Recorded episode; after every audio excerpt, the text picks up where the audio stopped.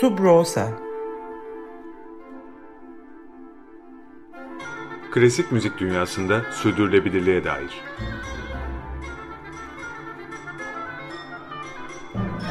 Hazırlayan ve sunanlar Zafer Yenal ve Yaren Eren Budak.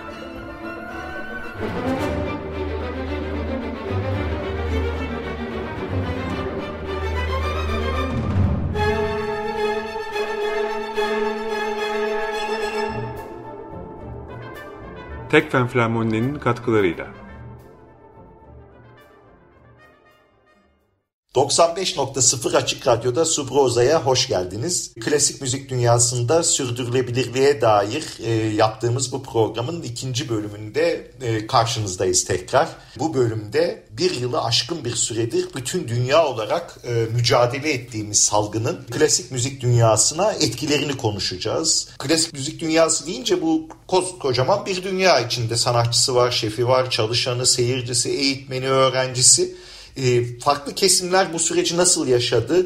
Karşılaştıkları sorunlar nelerdi, geleceğe dair beklentiler neler e, bunları konuşacağız biraz ve elbette buradan nereye gidiyoruz, nereye gidilmeli sorusuna da e, cevaplar arayacağız ve bu yönde hali hazırda devam eden e, ortak çabalara e, daha iyi bir e, gelecek anlamında kolektif çabalara e, katkıda bulunmayı amaçlıyoruz. Programımıza başlamadan önce iki küçük notu sizinle e, paylaşmak istiyoruz. Bizimle paylaşacağınız geri dönüşleriniz, sorularınız, yorumlarınız bizim için çok değerli.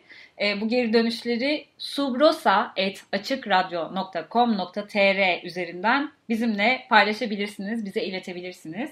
Ayrıca pazar günleri saat 18'de yayınlanan programımızı kaçırmanız halinde tekrar dinlemek için Açık Radyo'nun Spotify hesabı üzerinden podcastlerimize erişebilirsiniz. Tekrar dinleyebilirsiniz. Salgının müzik dünyasına etkilerinin ne ölçüde kalıcı olacağını bugünden kestirmek çok zor tabii. Tüm kültür, sanat ve müzik alanlarında olduğu gibi klasik müzikte de özellikle kırılgan yönleri iyiden iyiye su yüzüne çıkardı bu salgın. Dolayısıyla konuşacağımız konular sadece salgın dönemi için değil, tüm kriz dönemleri için sürdürülebilirlik açısından çok önemli dersler veriyor değil mi Zafer?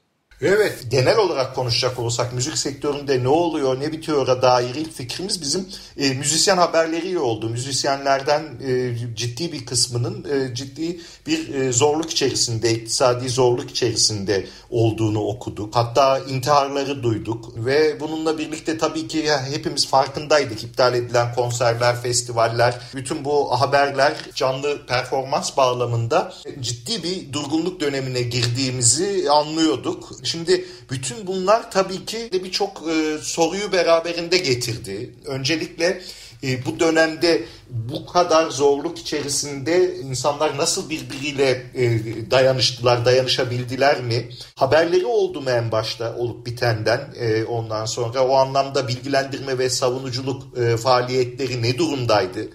Bir yandan da bu tür zorluklar devam ederken kamu e, kurumları, kuruluşları başta devlet olmak üzere bu süreçte ne yaptı, neler yapabildi? E, bütün bunlar aklımıza gelen sorular ve e, bu tüm bu soruları biz bugün iki tane önemli konuğumuz var. Görgün Taner ve Yeşim Gürer Oymak. İkisi de İKSV'den İstanbul Kültür Sanat Vakfı'nın çok uzun yıllardır içerisinde yaptıkları faaliyetleri farklı kademelerde düzenli belirleyici e, olmuş insanlar e, ve sürdürmüş insanlar. Dolayısıyla bu sektörde ne oldu, ne bitti bizi e, aydınlatacaklar birazdan. E, kendileriyle çok ortak bir sohbetimiz oldu. E, birazdan onları dinleyeceğiz. Benim atladığım bir şey var mı Yaren? atlamamamız gereken bir konu var evet e, o da dijitalleşme. Pandemiyle beraber çok e, dominant bir şekilde hayatımızda yer tutmaya başladı. Bütün müzik dinleme izleme pratiğimiz bu dijital medyumlar üzerinden gerçekleşmeye başladı. Buna mahkum olduk da diyebiliriz. Ve böylece bütün e, o eski güzel günlerde izlediğimiz konserler, festivaller, bir arada olabildiğimiz, yan yana gelebildiğimiz kalabalık ortamlardan mahrum kaldık.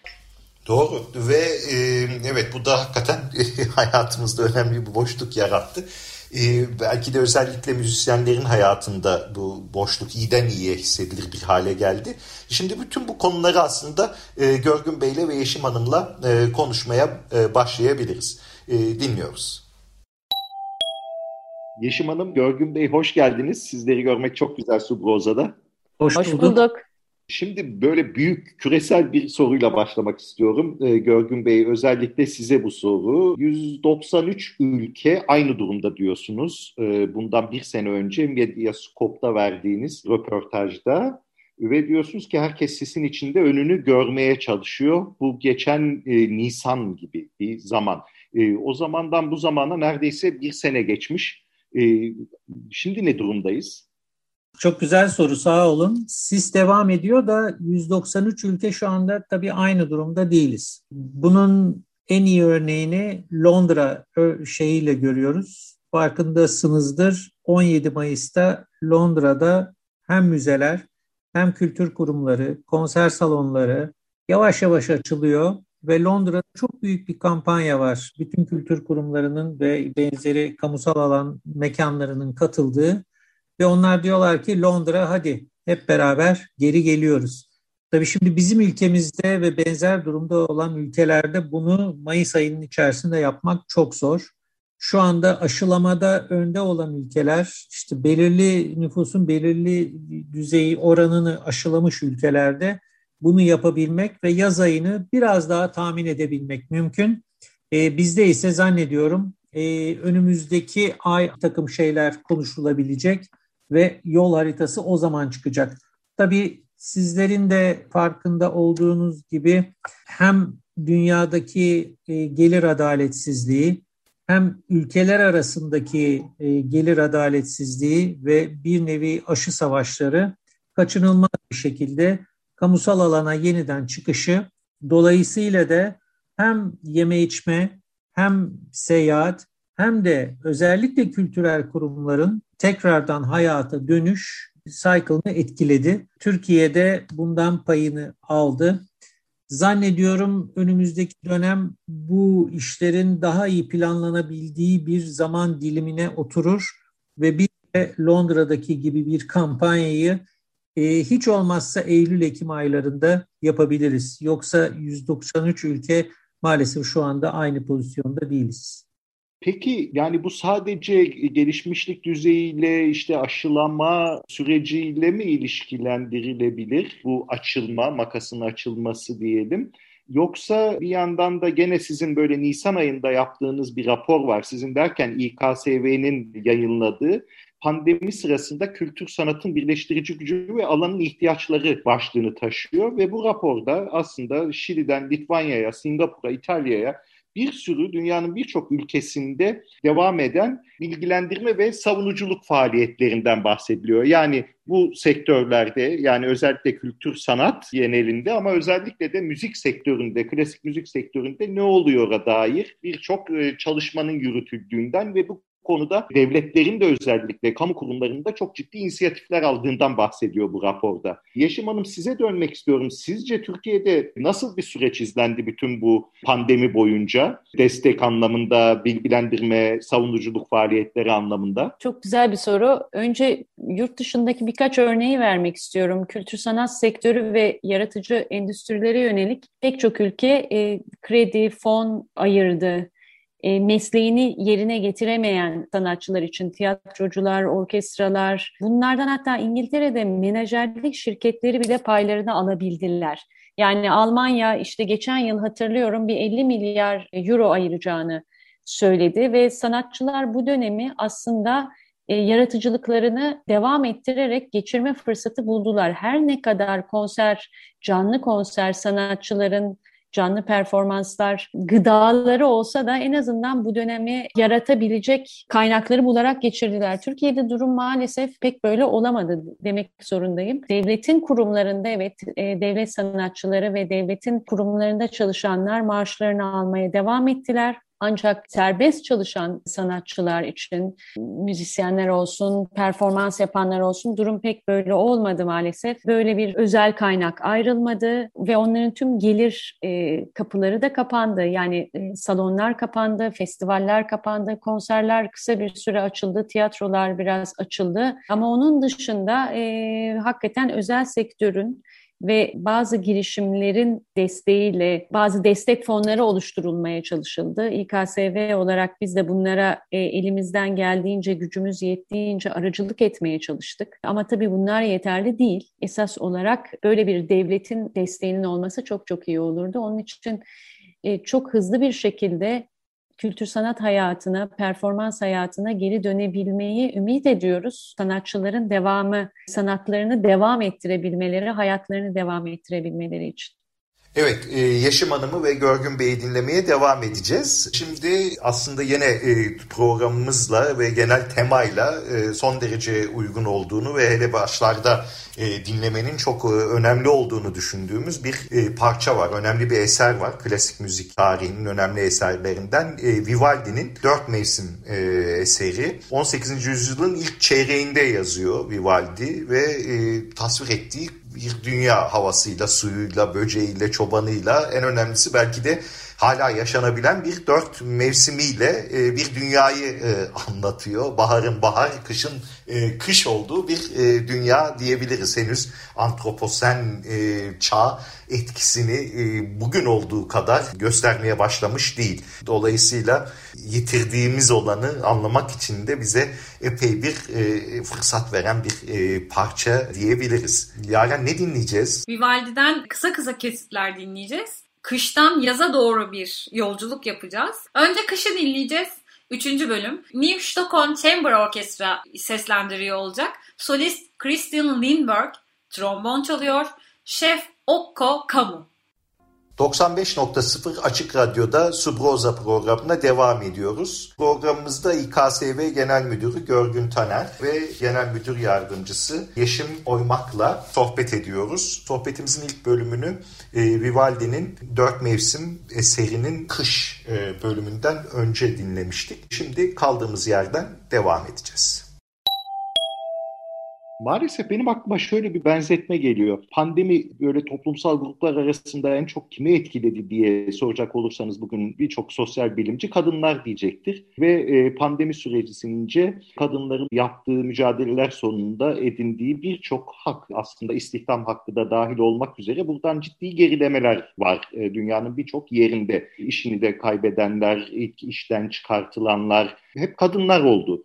Şimdi e, benzer bir e, süreci sanki daha gelişmiş ülkeler ya da yüksek gelirli ülkelerle daha alçak gelirli ülkeler arasında, düşük gelirli ülkeler arasında acaba kültür sanat sektöründe de görecek miyiz gibi bir endişem var benim. Yani yıllardan beri sizin de bu işin içerisindesiniz. Her ikiniz de e, Görgün Bey de Yeşim Hanım da bu alanın bir şekilde gelişmesi, e, ondan sonra olabildiğince daha büyük insanlara ulaşabilmesi yönünde epeyce emeğiniz var. Şimdi nasıl görüyorsunuz geleceği? Bunun böyle olmaması için neler yapılmalı? Görgün Bey ne dersiniz bu yorumuma?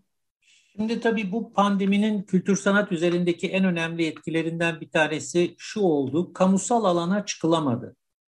Kamusal alana çıkılamayışı yaratıcı endüstrileri ve kültür endüstrilerini şu açıdan etkiledi. Tesadüfi görüşmeler, buluşmalar, karşılaşmalar ve karşılıklı beslenmeler kesildi. Bu beslenmelerin yönü değişti. Biraz önce destek mekanizmalarından bahsederken niye sorusunun cevabıyla ilgili birkaç noktayı da belirtmeden geçemeyeceğim. Bir tanesi herkes şunu anladı bu pandemide. Yahu bu endüstrinin büyüklüğü nedir? Bununla ilgili bir veri var mı? Veri yok. Kayıt tabanı mı? Yok. Yani burada hani suçu devlet şudur, o budur falan demek istemiyorum. Ama böyle bir kayıt kuyut mekanizması yaratıcı endüstrilerde yok. Avrupa ülkelerinde ağırlıklı olarak var ve böyle çalışan bir mekanizma var. Bizde böyle bir mekanizma da yok. Bunu oluşturacak bir örgütlülük de yok. Bununla ilgili ayrılmış bir kaynak da yok. Bununla ilgili bir, bir öncelik de yok. Şimdi esas soruya geleceğim. Peki bu konuda bir talep oldu mu? Yani bütün bu büyük sis içerisinde bu konudaki talebin de zayıflığı beni biraz e, şaşırttı mı şaşırtmadı mı o konuda çok bir şey demek istemiyorum ama e, üzdü diyebilirim. Önümüzdeki dönem atılacak adımlar bir örgütlülük, iki belirli bir veri tabanı oluşturup kime nasıl destek mekanizması oluşturacağımızın çalışılması.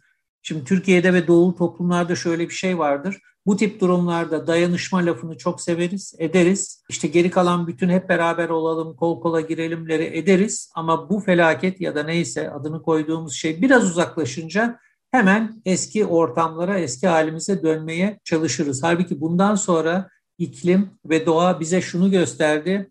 Pandemi ya da adını ne koyarsanız koyun bu son değil, devam edecek. Daha kötüleri de gelebilir, başka durumlar da olabilir. Sizin herhangi bir şekilde buradan daha dayanışmacı bir anlayışla çıkabilmeniz için elinizde veriniz ve örgütlü olmanız lazım. Nokta. Kültür endüstrilerinin ve yaratıcı endüstrilerin toplumda zarar görmesi tabii ki bizim gibi toplumları uluslararası ilişkilerini de çok zedeledi ve bu uluslararası ilişkileri zedelenmesi de bir şekilde yapılacak, üretime yansıyacak ve maalesef belirli bir dönem daha büyükler ayakta kalıp daha alt kültürlere bu darbe daha fazla ineceği için de e, bir yeknesaklık, bir e, standartlaşma belirli bir dönem için gelecek. Buradan çıkacak sanatsal üretimin ise bir dönem sonraya yansıyacağı ve bence en azından yani sanatçıların, bireysel sanatçıların, e, küçük alternatif e, şey inisiyatiflerin özel önem kesbettiğini ve geriye kalabilenlerin e, önemli ölçüde desteklenmesi gerektiğini düşünüyorum. Bu konuda merkezi idareden çok büyük bir beklentim yok. Yerel yönetimlere çok daha büyük iş düştüğünü düşünüyorum. Evet çok çok önemli yerel yönetimler diyorsunuz anlıyorum.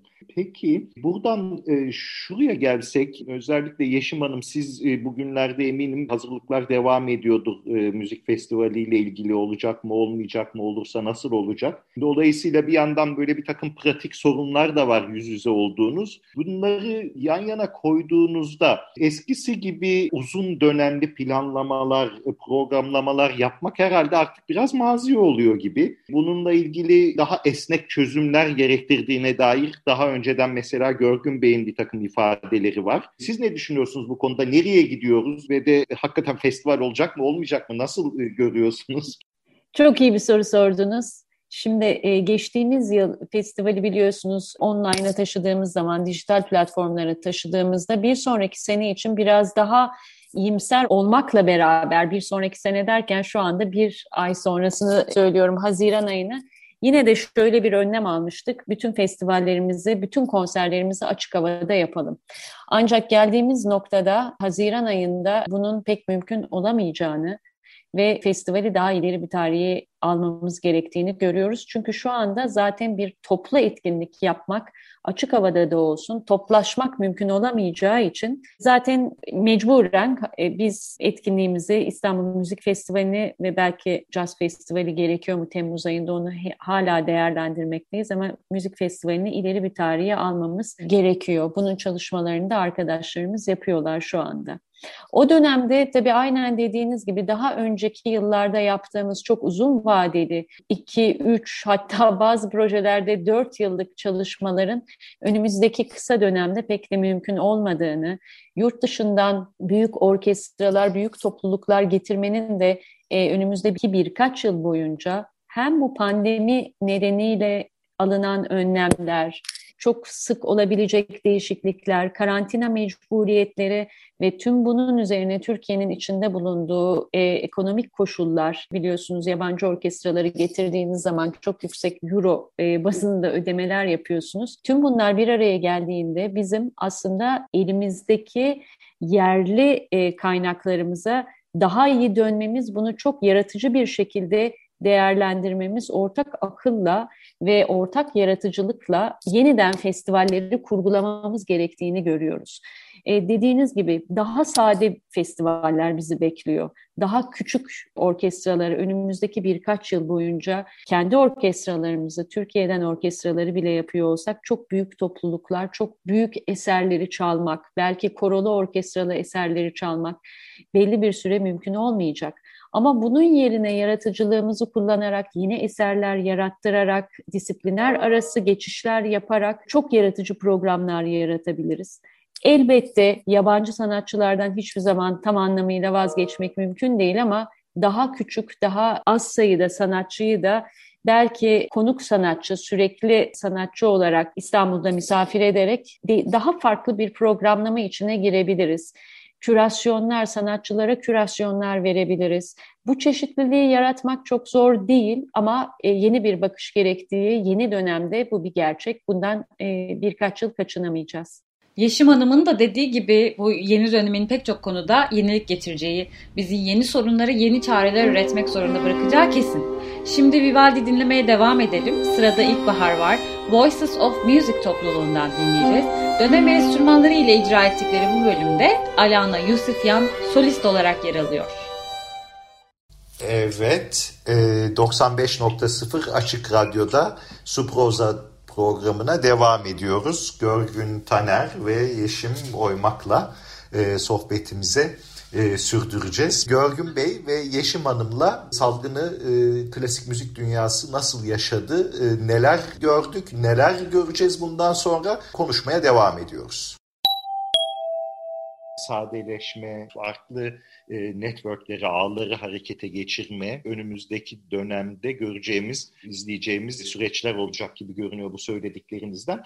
Bu da beni aslında gene bu dönemde geçtiğimiz sene ve bu sene içerisinde genelde ekrandan yaşadığımız zamanlarda çok gündeme gelen konuya getiriyor aslında. Bir yandan hani birçok konser, e, birçok e, performans çevrim içi kanallardan insanlara ulaştı ve bu beraberinde birçoklarının aslında bu zamana kadar görmediğimiz bir takım izlenme sayılarını da getirdi. Ama bir yandan da hakikaten bunun ne kadar kalıcı olup olmadığını sorgulayanlar oldu.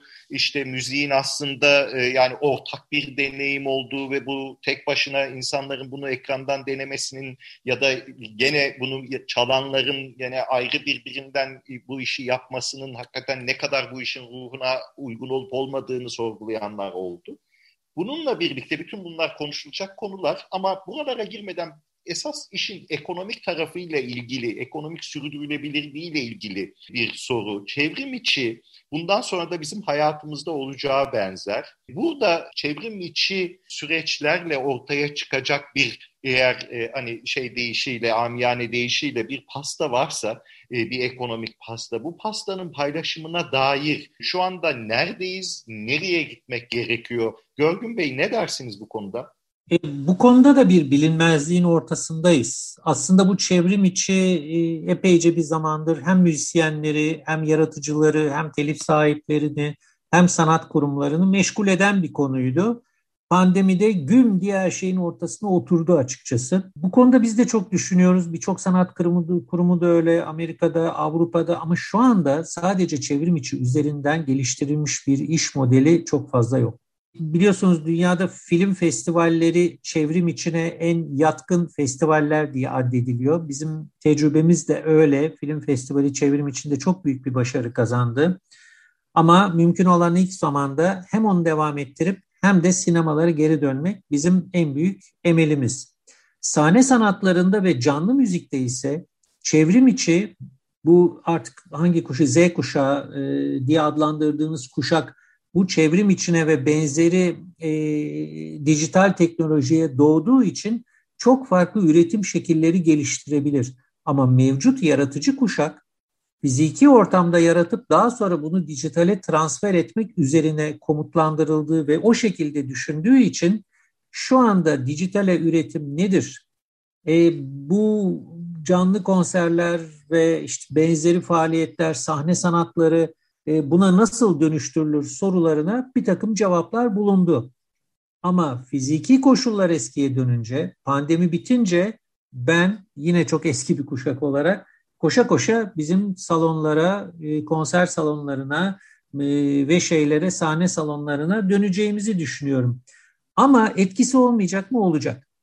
Bence odaklanma, müziği dinleme şekilleri, konser adabından tutun sahne sanatlarındaki süreleme ve oyun içeriklerine kadar her şeyden etkileneceğiz. Ve yeni bir düzen ortaya çıkacak. Bu ne olacak? Şu anda pek kimsenin bildiğini zannetmiyorum. Bunu da hem seyirciyle iletişim halinde kalarak hem karşılıklı bir etkileşimle sanat kurumları, sanatçılar, oyun yazarları hep beraber bulacaklar. Bu koskoca iki yılı, geçirdiğimiz iki yılı, ikinci yılda nasıl olsa şey olacak, böyle geçecek üç aşağı beş yukarı. Hiçbir şeyi etkilemeden sona ermesini, e, ereceğini düşünmüyorum doğrusu. Aslında bir taraftan bakıldığında insanlık tarihinde de ve kültür tarihinde de çok değişik bir dönem bitiyor, bitecek ve geriye bize muhakkak yeni dönemi etkileyecek e, bir takım e, şeyler bırakacak, öncüller bırakacak. Arkadan gelen kuşaksa çevrim içinin e, iş modelini bulacak ve onunla ilgili de çok büyük yenilikler göreceğiz. Bunlar ne olur? Böyle fütürizm dolu aforizmalar söylemek istemiyorum. Çünkü yani o büyük lafların belli bir kısmı oluyor, belli bir kısmı olmuyor. Ama yani çok büyük bir değişim geliyor. Çok teşekkürler. Yeşim Hanım sizin söyleyeceğiniz var sanırım değil mi? Ufak bir ekleme yapmak istiyorum. Görgün Bey çok doğru bir noktaya parmak bastı. Bu e, pandeminin sonunda gerçekten salonlara, sahnelere, festivallere geri döndüğümüzde pek çok alışkanlığımız aslında değişmiş olacak. Örneğin eskisi gibi artık 120 dakikalık, 130 dakikalık uzun konserler olmayacak. Şimdi Bugün Avrupa'da ve Amerika'da festivaller, kapalı mekanlarda yapılan konserlere ve etkinliklere baktığımızda hepsinin 60-70 dakika civarında arasız yapıldığını görüyoruz. Bu dijitalin de izleme sürelerini ve konsantrasyon sürelerini de göz önüne aldığınızda önümüzdeki dönemde konser sürelerinin bir kere e, kısalacağını düşünüyorum ve belki de sonsuza kadar da böyle kalacak. Yani eskisi gibi 120 dakika, 130 dakika konserler olmayacak. Yani bunun gibi pek çok alanda alışkanlıkların değiştiği bir dönem bizi bekliyor. O anlamda bestelenen eserler de ortaya koyulan e, eserler de değişecek. Yani aslında kültür sanat alanında çok büyük bir değişiklik olacak. Unutmayalım ki barok dönemde, klasik dönemde 300-400 yıl evvel konser sürelerine baktığımızda 4 saat, 5 saat gibi uzun uzun yani hakikaten oraya giriyorlar. Akşamüstü saatlerinde, akşamın ilerleyen saatlerinde çıkarlarmış. Tabii ki hayat değişti, dünya değişti ama bu pandemide böyle bir değişiklik yaratacaktır kültür sanatın her alanında diye düşünüyorum. Evet, vallahi şahane oldu. Ben tam e, Görgün Bey sürelemeden bahsederken e, bir örnek verir misiniz diyecektim. Bu sizin söylediklerinizle iyice açmış olduk. Hele bir de bu işi tarihselleştirerek başka da önemli de bir boyut gündeme getirdiniz. Çok teşekkürler Yeşim Hanım. Sohbetimize kaldığımız yerden devam edeceğiz. Şimdi biraz daha müzik dinleyelim. Dört mevsimle devam ediyoruz. Sırada yaz var. İkinci bölümünü Max Richter'in yaptığı yenilikçi düzenlemeyle dinleyelim. Hepimizin muhakkak aşina olduğu dört mevsimi Richter ezber bozan bir yaklaşımla yeniden ele almıştı.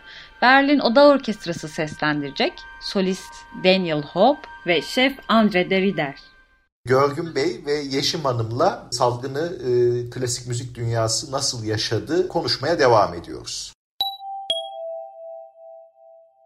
Bir son soru aslında e, bu e, şeyle ilgili e, biraz önce de konuştuğumuz konuyla ilgili. Yani e, müzik ekonomisinin e, istihdam e, tarafıyla ilgili. Önümüzdeki dönemde işte gönüllü çalışma olsun part time çalışma olsun aslında bu sektörde çok alışık olduğumuz e, pratikler bunlar. Ama bir yandan da bu pratikler insanları bu sektörden de e, biraz uzaklaştıran pratikler. Çünkü neden? E, bir yandan da işte bunlar güvencesiz işler anlamına geliyor. E, yeterince e, insanların çalışmaları e, için mükafatlandırılmadığı anlamına geliyor.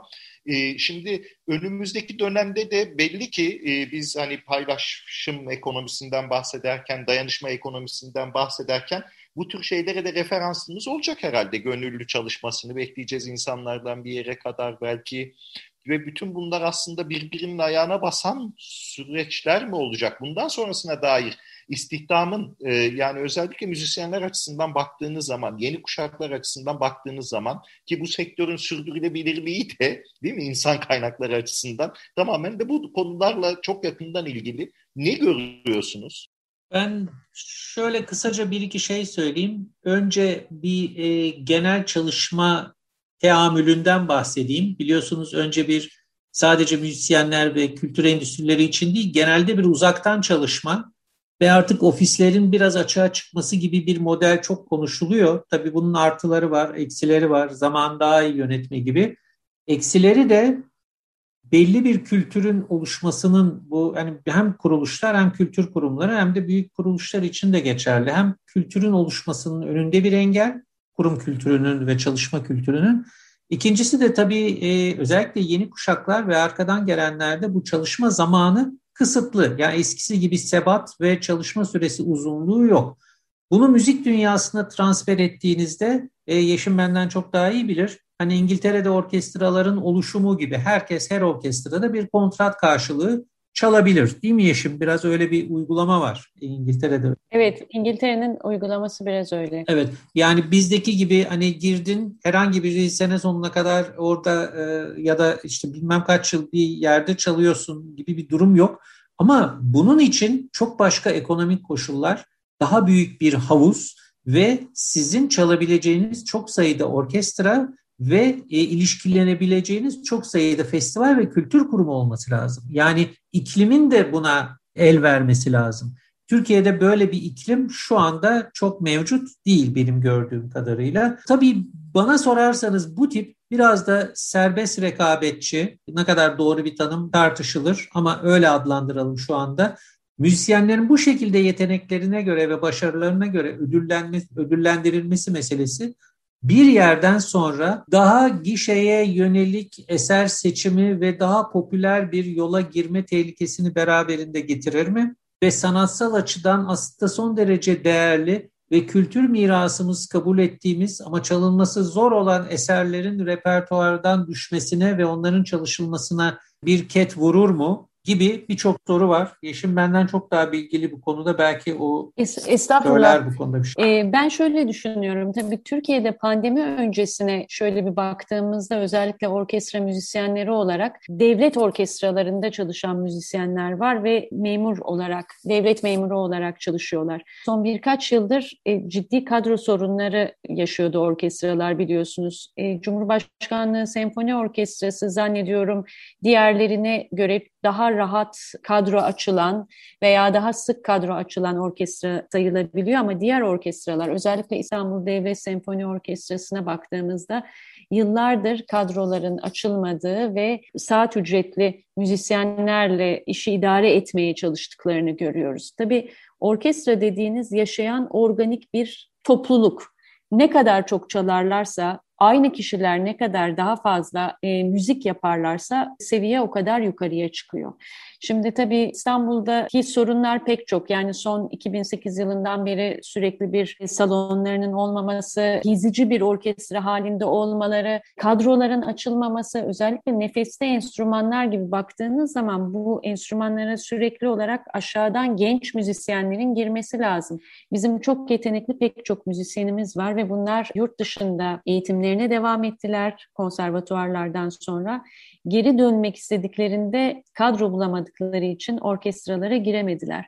Burada tabii özel orkestraların yüklendikleri çok önemli bir görev var. Onlar Türkiye'nin pek çok orkestrasından izinlerle kendi orkestralarında bu e, müzisyenlere yer veriyorlar. Serbest müzisyenlere de yer vererek bir yer açıyorlar ama bu yeterli değil. Yani bir yandan e, klasik müziğin, bu müziğin aslında talep ediliyor olması lazım ki daha fazla orkestra, daha fazla e, klasik müzik etkinliğiyle bizler buluşalım. Bunun için de şartlar maalesef çok iyi değil. Şu anda pandemi nedeniyle iyi değil. Ama ümit ediyorum Atatürk Kültür Merkezi'nin açılmasıyla birlikte burası sürekli yaşayan ve sürekli etkinliklerin yapıldığı bir e, yaşa, e, bir mekan haline gelir.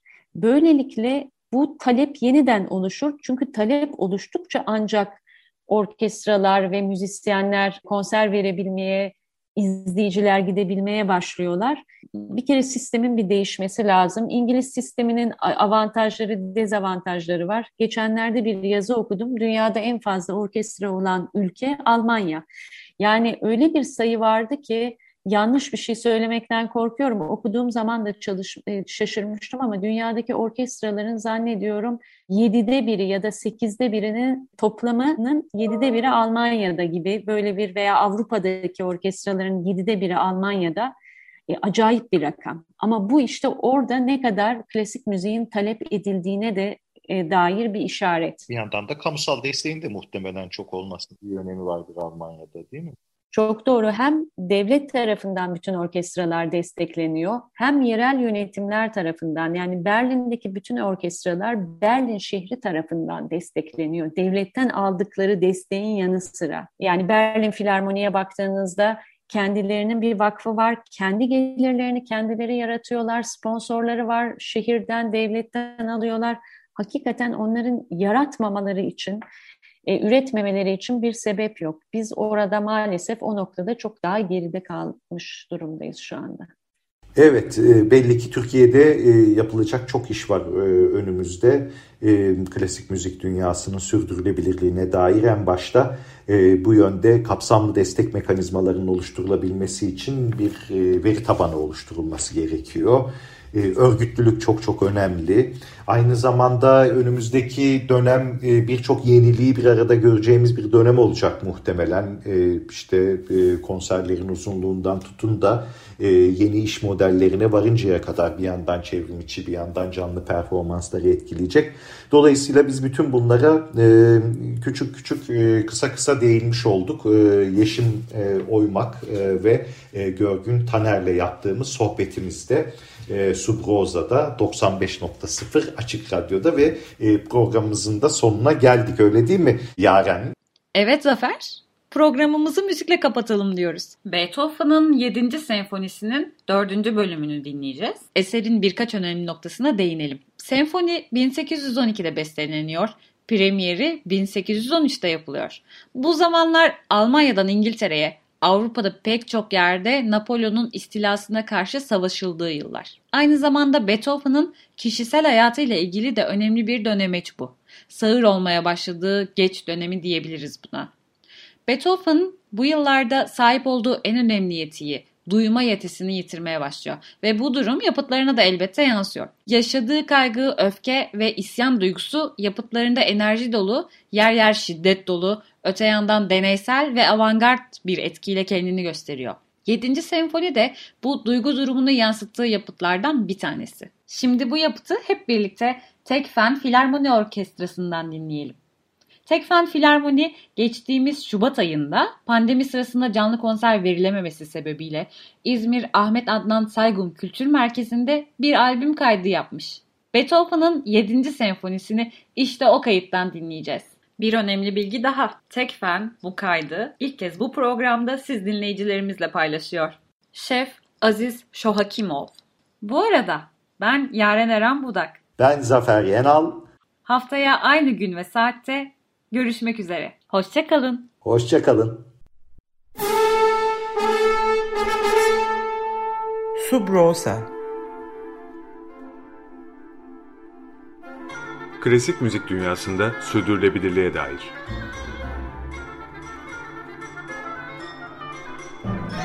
Hazırlayan ve sunanlar Zafer Yenal ve Yaren Eren Budak.